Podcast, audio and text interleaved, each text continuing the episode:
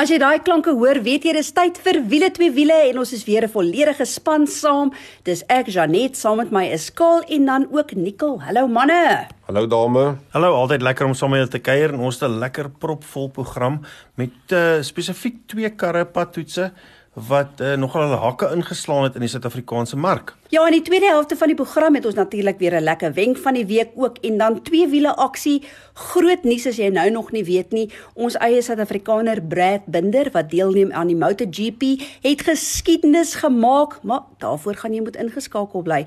Maar ons spring weg met ons twee padtoetse en ons begin somme met BMW se M340i. Wat 'n fantastiese voertuig. Die enigste 6-silinder wat nog in die BMW 3 reeks is. Ja, Janet, ons weet dat uh, al die engines raak kleiner, dit mos nou turbos by. En uh Karl, jy sal ook onthou as jy gepraat het van 'n 328 of 'n 330, dan altyd geweet dis 'n 6-silinder en uh later was dit mos nou die 335 was die 6-silinder, maar nou het dit al geskuif na net die M340 het nou nog daai 6-silinder engine wat so mooi geluid maak. Natuurlik nog steeds geturbocharged, nou met 285 kW, 500 Newtonmeter, 0 tot 100 in die lae 4 sekondes En iets wat ook uniek of die eerste keer vir 'n 3-reeks is, vierwiel aandrywing of X-drive. Ja, ek het al vroeër gesê dat ek dink dat hierdie nuwe 3-reeks wat nou uit is, uh het definitief weer teruggegaan na soos die Engelsman sê die roots van waar hulle vandaan kom. Ek dink aan die E30 vorm Nikkel. Jy praat van 'n 328 en goed, ek wil daar was selfs die die 320 was 'n 6-silinder gewees. Maar uh dis my asof hulle teruggaan het na daai lekker sportiewe benadering toe wat dit vir my so lekker maak om te ry en hierdie een het definitief vir my uitgestaan. Jy klim in die kajuit in en ek bedoel eerste oogopslag. Ag, oh, die binneruim afwerking is vir my natuurlik lieflik. Hy het hierdie ambient lighting wat aan die binnekant so oplig ehm um, natuurlik so perskleur en ek's natuurlik mal oor pers, maar daai stuurwiel so lekker dik stuurwiel, so hy maak jou lus om die pad aan te durf. Maar Nikkel, ek bedoel almal weet ek kom van voorwiel aangedrewe voertuie af al met my ren agtergrond. So ek is nie groot wanneer dit kom by agterwiel aangedrewe karre nie, maar nou met X-Drive is dit alle wiel aandrywing, maar nou het jy verskillende modus. Jy het nou 'n sport en 'n sport plus. Maar as mens nou BMW dink, dan dink jy mos nou heeltyd speeltyd. So nou is die vraag maar kan jy nog heeltyd speeltyd hê? Die antwoord is verseker ja, veral as jy hom in die Sport Plus mode het. Net ek sal sê ja en nee, want met die vierwiel aandrywing is die kar natuurlik baie meer veilig as wat hy ooit was. Ek het die kar gaan optel daar by Powerflow Belwel waar Kaalmoek mos werk en nou op hulle lifts was daar gewees 'n E46 M3. En as jy nou ouens wat weet van daai kar, daai is 'n reguit sê sonder turbos, 250 kW agterwiel aandrywing en jy moet weet wat jy doen want anders dan kyk jy aan die ander kant as jy jou voet neersit. Hierdie kar kan jy ry en toe net die spoed is daar. Kom ek sê vir jou, hy gaan daai M3 kas toe ry.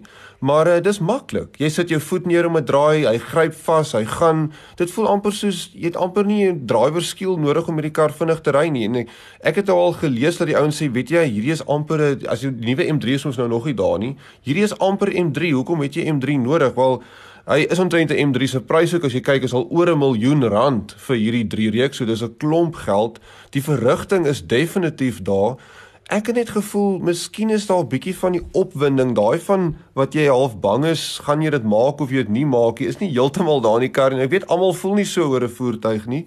Jy wil daai eh, stabiliteit en so aan hê. Maar ja, die kar is definitief meer gemaklik. So ek sê is 'n vol vet M-kar. Die rit is gemaklik, selfs in sy sportmode kan jy nog lekker oor die hobbels nie goed gaan. Hy stampie dat jou vulsels uitval, jou tande nie. 'n Lekker gemaklike voertuig. En iets wat ek ook besef, daar's so baie SUV's wat ons nou ry is dit dan daar's nog 'n plek vir 'n sedan as jy eers om 'n draai gegaan het met 'n sedan weer 'n slag nadat die klomp SUV's gery het dan kom besef jy weet jy dit is die moeite werd om laer op die pad te sit as jy 'n bietjie wil om 'n draai gaan ja so ek daar stem ek saam as jy byvoorbeeld in sy sportmode sit dan voel jy veilig jy voel geplant as jy dit so kan sê vir al deur die draaie met daai lekker groot stuurwiel maar dan weet ek ook as jy hom in die sport plus mode sit en jy begin bietjie speel met die verskillende modes dan kan die agterkant bietjie los raak as hy wil maar uh, ja op die ou tene liewerste veilig wees, né? Maar Koop andersins van jou kant. Man, ek het die kar baie geniet. Ek dink uh, soos Nicole sê, weet jy nou, hy doen alles so perfek. Ek is net bly dat daar wel nog 'n uh, 6-silinder is in die BMW kamp, weet ons praat nou oor die 3 reeks. Ons onthou dat in die laat 80s, vroeë 90s het amper elke familie 'n 3-reeks in hulle garage gehad. Jy weet dit was 'n kar wat baie bekostigbaar was. Uh baie mense kon hom koop vir al die middelklas en goed. Deesdae het die ding so bietjie geskuif. Jy weet Nicole praat van oor 'n miljoen rand. So dit is 'n klomp geld, maar jy praat van 'n kar wat alles so reg doen. Is eintlik ongelooflik, maar die vraag bly staan. Het ons so 'n paar weke terug met Renault se Megane gery en goed. Is die moderne sportiewe karre nie besig om net so bietjie van die lekkerheid weg te vat deur al die tegnologie en die goed wat daarin is nie? Ja, dit is seker 'n vraag. Jy praat nou van die geskiedenis van die 3 reeks. Ek onthou hoe my pa 'n BMW 3 reeks gehad het jare terug voor ek begin karretjies jaag het en hy voet tog sy arme BMW moes inruil sodat ons 'n touvoertuig kon kry. Daai was ook 'n hartseer oomblik vir my pa.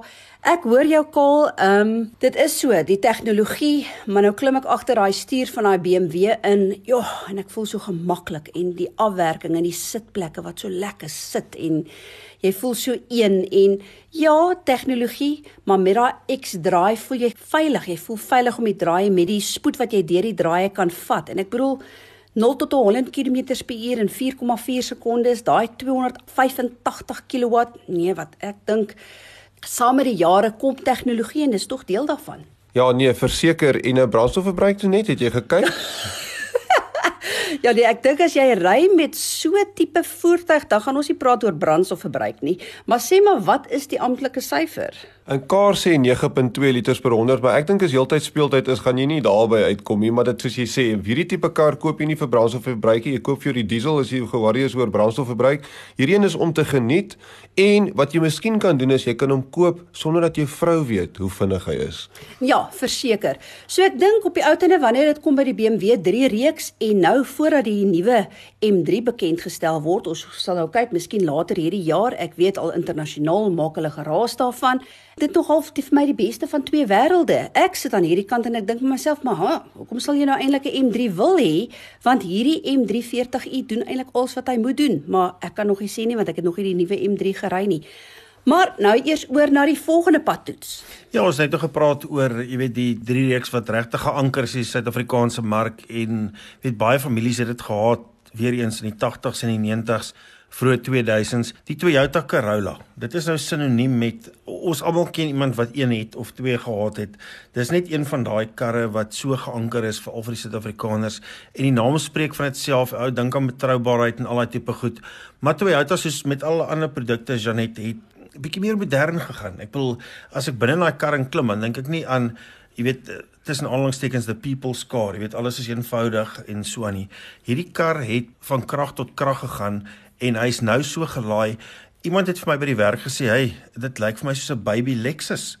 Presies. Nou ons weet die Corolla kom al vir ewig. Ek dink hy's in die 12de generasie. Nou jy kry die Corolla hatch het ons laas jaar bekend gestel en nou is die nuwe Corolla sedan hier. Ons het hom reeds bekend gestel virtueel nou tydens die Grendel tydperk, maar nou het ons bietjie tyd met hom spandeer en ek het maar net weer eens besef, dit is so skaal sê, kyk daai dae van ek wil amper half sê eenvoudig is verby want sy afwerking en hoe hy lyk is fantasties. Maar Nicole, jy het ook tyd met die Corolla spandeer. Ja, eerstens wil ek sê van die buitekant af as jy dink Corolla, dan dink jy vierkantige boks vervelig, nee wat beweeg aan. Hierdie een is definitief nie so nie. Ek dink uh, die nuwe baadjie van Toyota het soort van begin met daai CHR, daai crossover wat hulle het met daai hele ontwerpslyne wat so modern geraak het. En toe die Toyota Corolla hatch het mos eers gekom, die lykerig van hierdie ene.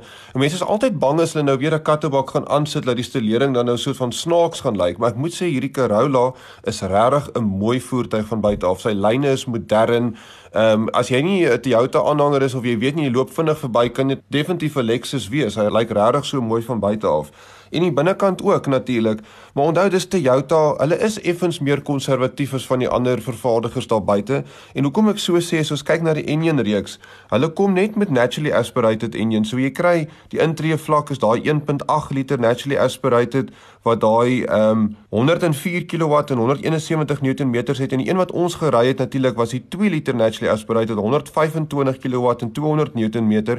So ja, jy kry nou nie daai wrinkrag van die moderne turbo engine. So jy moet hom so 'n bietjie ref om die krag uit te kry en ons het natuurlik die outomatiese was daai CVT raadkas gehad, maar ek moet sê ek was heeltemal verbaas. Ons het natuurlik hier op seevlak hier in die Kaap, hy het vir my genoeg krag gehad vir 'n familiekar 100% en daar's 'n effens 'n bietjie sportiwiteit ook aan hom. Praat van sportiwiteit, hy het reeds 'n sportknoppie ook. En kyk, ek het nou maak geen geheim daarvan nie. Ek sien mal oor 'n CVT radkas nie, maar hierdie CVT radkas het my verbaas. En veral as jy met daai sportknoppie sit en jy kan die tegniese aspek daarvan verduidelik. Wat interessant is van hierdie CVT radkas is sy eerste rad is 'n so 'n normale handrad eerste rad wil ek nou amper sê. So dis 'n so daar is nie soveel glip as jy wegtrek nie. Dis 'n eerste rad wat geskakel word en as jy natuurlik met hom as jy na tweede rad toe sou gaan, dis wanneer die CVT begin. So jou hele al jou ander radde is dan die CVT radkas wat dan skuif. Maar gewoonlik as 'n mens met 'n CVT weggetrek het veral dan voel dit so of die krag deur 'n paar rekke en 'n paar seile en 'n paar goed gaan na die wiele toe. Nou voel dit baie meer direk. Jy sit jou voet neer, jy trek weg en dan gaan jy na die CVT toe oor en natuurlik as jy jou voet neersit dan gee ook vir jou daai virtuele ratte wat dan so half maak of dit 'n ratkas is. Maar dit het baie goed gedoen. Ek dink die Japaneese begin al hoe beter raak met hulle CVT's kyk ek sal eerlikwaar sê dis nog steeds nie my gunsteling ratkas nie maar hierdie kar het dit my glad nie geplan nie. Ja, ek dink die ander ding waarna ou moet dink is, jy weet, ons praat nou rondom die tegnologie en die goed en die engines en die verskillende goed. Die Corolla gaan nog altyd 'n gunsteling bly. Jy kyk na 'n kar met soveel geskiedenis en goed wat in sy are loop die bagasiebak is groot. Ek bedoel as jy nie iemand is vir 'n CVT nie, uh, Nicole het dit ook genoem van as jy 'n slagvee in 'n gewone uh, lykerig inklim en jy dink, "Ja, jy weet, dis nou nie die ding vir my nie, maar hierdie Corolla het alles wat jy nodig het. Hy's geplant op die pad. Ek dink die hantering en die goed is baie neutraal ehm um, stewig op die pad en jy kan voel, jy weet hierdie kar se ontwikkeling kom oor jare en jare en jare en 'n mens kan verstaan hoekom dit so gewild is.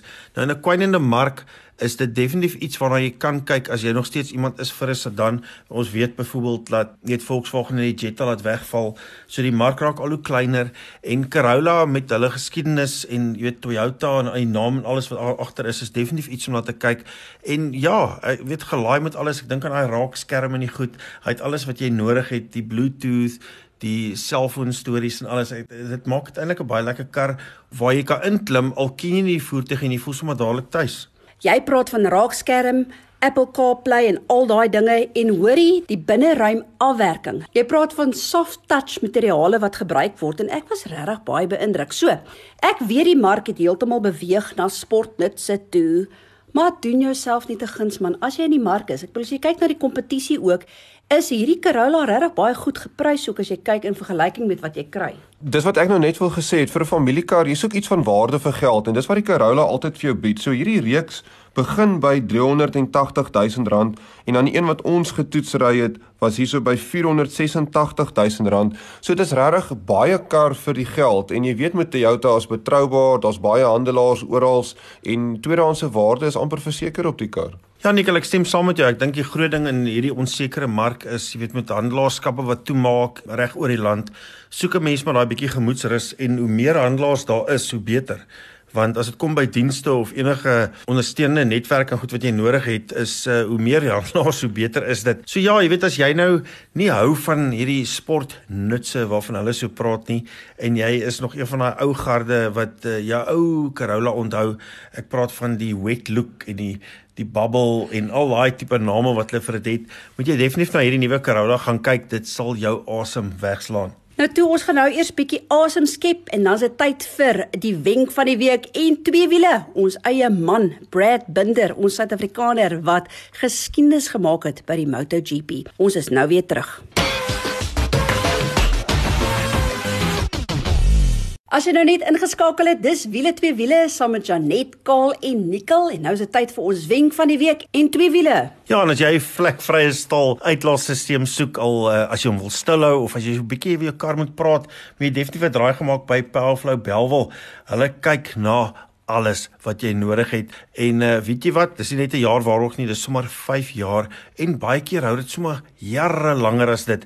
So uh, vir beter werkverrigting brandstofverbruik en als Bellflow Bellwel dis die plek vir jou. En is so maklik soos www.bellflowbellwel.co.za maar ouens ons wenk van die week het reeds te doen met is twee slag op pad terug Ek dink almal wat hierdie program nou luister gereeld, weet ek en Kaal is mal oor two-strokes en twee-slag engines en daai ring ting ting in die uitlaat reuk en geluid en daai blou wolke rook selfs van die olie. Maar uh, weet jy hoe verbaas was ek om te hoor dat Pat Simmons wat natuurlik die tegniese oues by Formule 1 het gesê, weet jy, in 2025 gaan Formule 1 weer terugkeer na twee-slag binnebrand engines vir die resies. Kaal, wat sê jy daarvan? Nou, kyk jy, dis 'n ding wat my baie opgewonde maak en ek onthou ek en jy het 'n paar maande terug daaroor gepraat want uh, twee slag engines het net iets baie spesiaal in hulle. Nou, Nicole, net so in kort. Jy weet vir die ouens wat nou nie weet nie, die kar wat ons elke dag ry, die voertuig wat ons ry is almal vierslag. En uh um twee slag is iets heeltemal anders. So verduidelik net kortliks wat is die verskil? Ja, so dit gaan basies oor 'n twee-slag enjin, is 'n baie eenvoudiger enjin as 'n vierslag enjin. 'n Vierslag enjin het jy kleppe en jy het 'n 'n nokas en al die goeders. 'n Twee-slag enjin het jy niks van daai nie. Jy het poorte en uh, wat dan ook dan is, jy het 'n soos ons sê 'n power stroke. Daai slag wat hy die krag um, vir jou maak, gebeur een keer elke revolusie van die krikas. Terwyl met 'n vierslag is dit elke tweede revolusie van die krikas.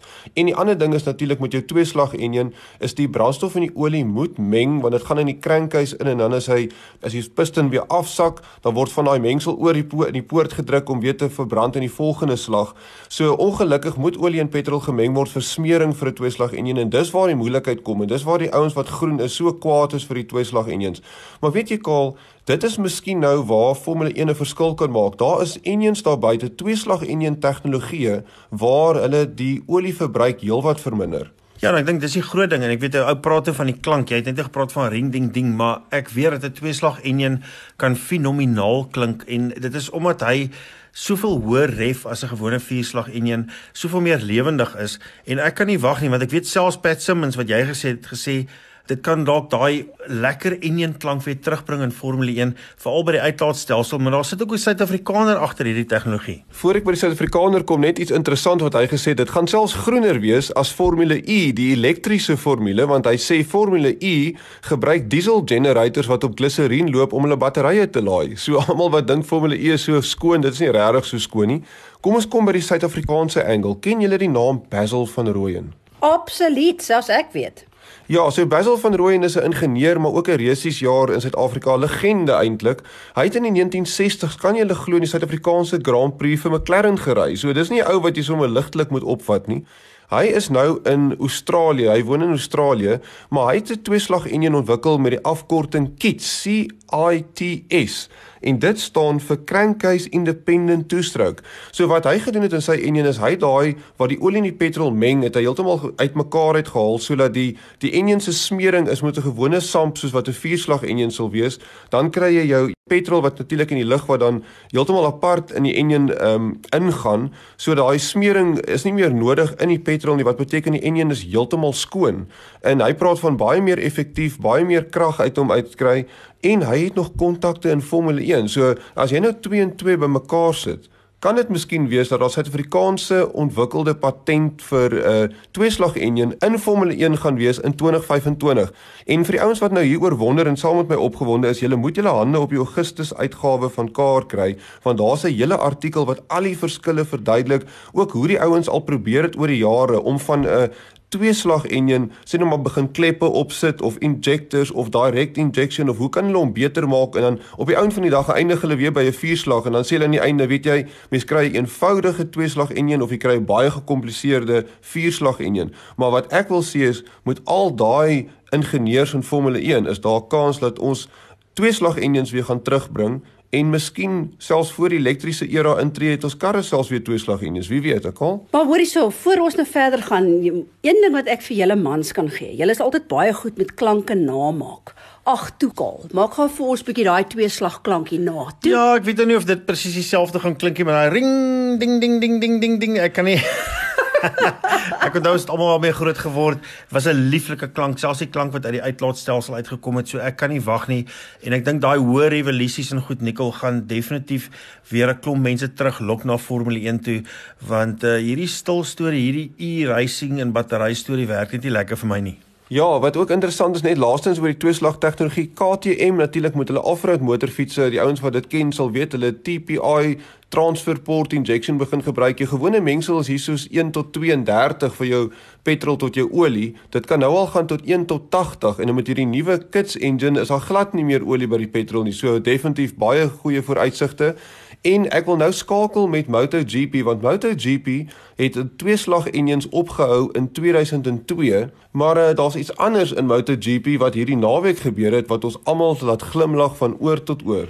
Absoluut man, om die waarheid te sê in my vrou wees en al op Vrouedag het ek 'n traan gestort want ons Suid-Afrikaner Brad Binder het die eerste Suid-Afrikaner geword wat 'n MotoGP gewen het en om die waarheid te sê het hy sommer die eerste keer gewees vir KTM wat KTM 'n MotoGP gewen het. Ja, dit was baie lekker geweest om te kyk en uh weet dit's amper soos 'n uh, rugby wêreldbeker koers geweest in ons huis waar jy om die draai wil staan en nie vir die laaste paar minute kyk nie want enigiets kan natuurlik verkeerd gaan. Maar uh weet as name soos Wayne Rainey of uh, Freddie Spencer of Mick Doan of Kevin Schwantz uh jy weet enigiets vir jou beteken. Ou kyk na Valentino Rossi, jy kyk na Mark Marquez en Max Biaggi. Ek kan nie ophou praat en iewers skielik is daar Brad Binder en hy's 'n Suid-Afrikaner. Nou wat die ouens nie verstaan nie, is in elkeen van die ouens wat ek nou genoem het in hulle nasionaliteit, is daar baie groot ontwikkelende klasse in hulle lande waar hierdie ouens kan gaan resies jaag. Dit is baie kompeterend. As jy kyk hoeveel van hulle nasionaliteite self in hierdie MotoGP is, jy verstaan dat die wat noem jy 'n voerklas, Janet, is so groot. En hier kom 'n ou van Suid-Afrika 'n jaar of 2 terug het hy Moto3 gewen wat 'n wêreldwye ding is. En uh, jy weet daar's so 'n bietjie in die pers daaroor gepraat en so 'n bietjie met hom gesels hier kom hy in die topklas. Nou MotoGP vir as jy nie weet nie is soos die Formule 1 van motorfietsse. En hier kom Brad Binder 'n nederige ou. Ek weet ons gaan later luister na 'n stukkie waar hy gepraat het en hy wen tussen al daai vervaardigers met 'n motorfiets wat nog net 3 jaar in daai klas is. Vir my was dit so mooi geweest daar aan die einde so so rukkie lank gery het langs Rassie, het hulle gesien. Langs Rassie, dis vir my hero geweest en hier's 'n Suid-Afrikaner wat eintlik vir Rassie, okay, Rassie is al bietjie oud, maar net om daai twee langs mekaar te sien en ook te sien hoe Brad binne die Suid-Afrikaanse vlag agter op sy rug sit en toe hy op die podium staan en die vlag word gehuis en die Kossie Sikelele en die stem die die volkslied word gespeel, was dit nie ongelooflik nie? Ag man, dit laat my regtig breë bors trots staan. En reeds, kom ons luister gou-gou na presies wat het Brad gesê direk na die ren. As jy nou die MotoGP gemis het en dit is wat hulle vir hom gevra direk na die ren. We're about to hear the first words of South Africa's new motorsport hero, already now a KTM icon and a KTM legend, but I cannot wait to hear Brad Binder talk us through his first ever MotoGP victory. Here is then a history-making South African Brad Binder, KTM's first ever MotoGP winner. He's in Park Ferme with Simon. Brad, the whole GP paddock know how good you are, but you still stunned us. You stunned the motorcycle world. How does it feel to win MotoGP? Honestly, right now I'm lost for words. Uh, this is a day I've dreamed, about since I was a little boy, and gosh, today it came true. So it's amazing to win my first Grand Prix. I really wish my parents were here because they're the ones that backed me from the beginning. And uh, thank you to everybody that supported me to get here. It's a dream come true, and. Uh, I can't thank my team enough. They put an absolutely insane motorbike underneath me this weekend. I had no idea we were capable of winning, but I had a feeling it could be good. And uh, hats off to my guys, they did the most unbelievable job. And thank you to everyone at home for always supporting me. And uh, I hope this is the start to many more. Congratulations. Nee, as dit jy nie opgewonde maak nie, ek moet vir jou sê breë bors is 'n understatement soos die Engelsman sê. Ons eie seun het hier langs ons gestaan en gesê, "Pappa, dit maak my ongelooflik trots." En dit is net maar net lekker as jy daai vlag sien wat gehuis word en jy weet hierdie Suid-Afrikaner en dis nie 'n ou wat vol draad is of enigiets nie. Hy is so nederig uh um, om te sien wat hy gedoen het op soos ek weer eens sê met 'n motorfiets wat nie die geskiedenis het van 'n Yamaha of 'n Honda of 'n Suzuki of 'n Kawasaki nie. En hier kom hy en hy wen daai resies op 'n baan wat baie moeilik is. Ja, wat vir my ook uh, ongelooflik was is jy praat van hy het Moto3 gewen in daai jaar en nog aan die begin van die seisoen het ek 'n onderhoud met hom gevoer vir 'n artikel vir Kaart tydskrif. Hy was al redelik bekend maar niemand het geweet hy gaan wen daai jaar en mense het nie gedink hy gaan so ver gaan. Hy het amper Moto2 ook gewen. Hy het ongelukkig net daar kort gekom, maar dat hy nou by MotoGP wen en wat ek onthou van daai onderhoud met hom daai tyd is hierdie nederige ouetjie wat vir my al die vrae so mooi geantwoord het het vertel het hoe sy motorfiets werk en hoe hy hard hy werk en hoe die klein veranderinge wat hulle doen en so aan. En toe ek nog gekyk het MotoGP in die einde toe hulle selfs met die ander manne daar praat op die podium en jy kan sien daai manne is vol van hulle self. Kyk, en hier kom ou Brad Binder en hy praat soos wat ek en jy nou hier praat. Hy's nog steeds dieselfde ou. Ek hoop hy kan so nederig bly en ek, hy gaan definitief 'n groot hero vir ons in Suid-Afrika raak. Nee, beslis. Brad, ons is ontsettend trots op jou. Die afgelope naweek het ons ons volkslied saam met jou met breë bors gesing. Ja nee, sonder twyfel en uh, ek kan nou nie wag vir die res van die seisoen nie. Ek dink dit gaan baie interessant wees en uh, hoe sê hulle as jy eers daai wen geproe het, dat jy sommer 'n nuwe vuur binne in jou. Nie dat Brad dit nodig het nie. Hy's baie kompeterend. Hy kan nogal 'n motorfiets ry. So ek kan nie wag om die res van sy loopbaan dop te hou vir al hierdie jaar nie. Besoek bietjie ons wiele twee wiele Facebook bladsy. Dis so maklik soos wiele twee wiele en ons is op Instagram ook. Maar dis al vir hierdie week se program. Dis van my Janet en ook Kaal en Nikkel tot volgende week toe. Hou daai wiele aan die all.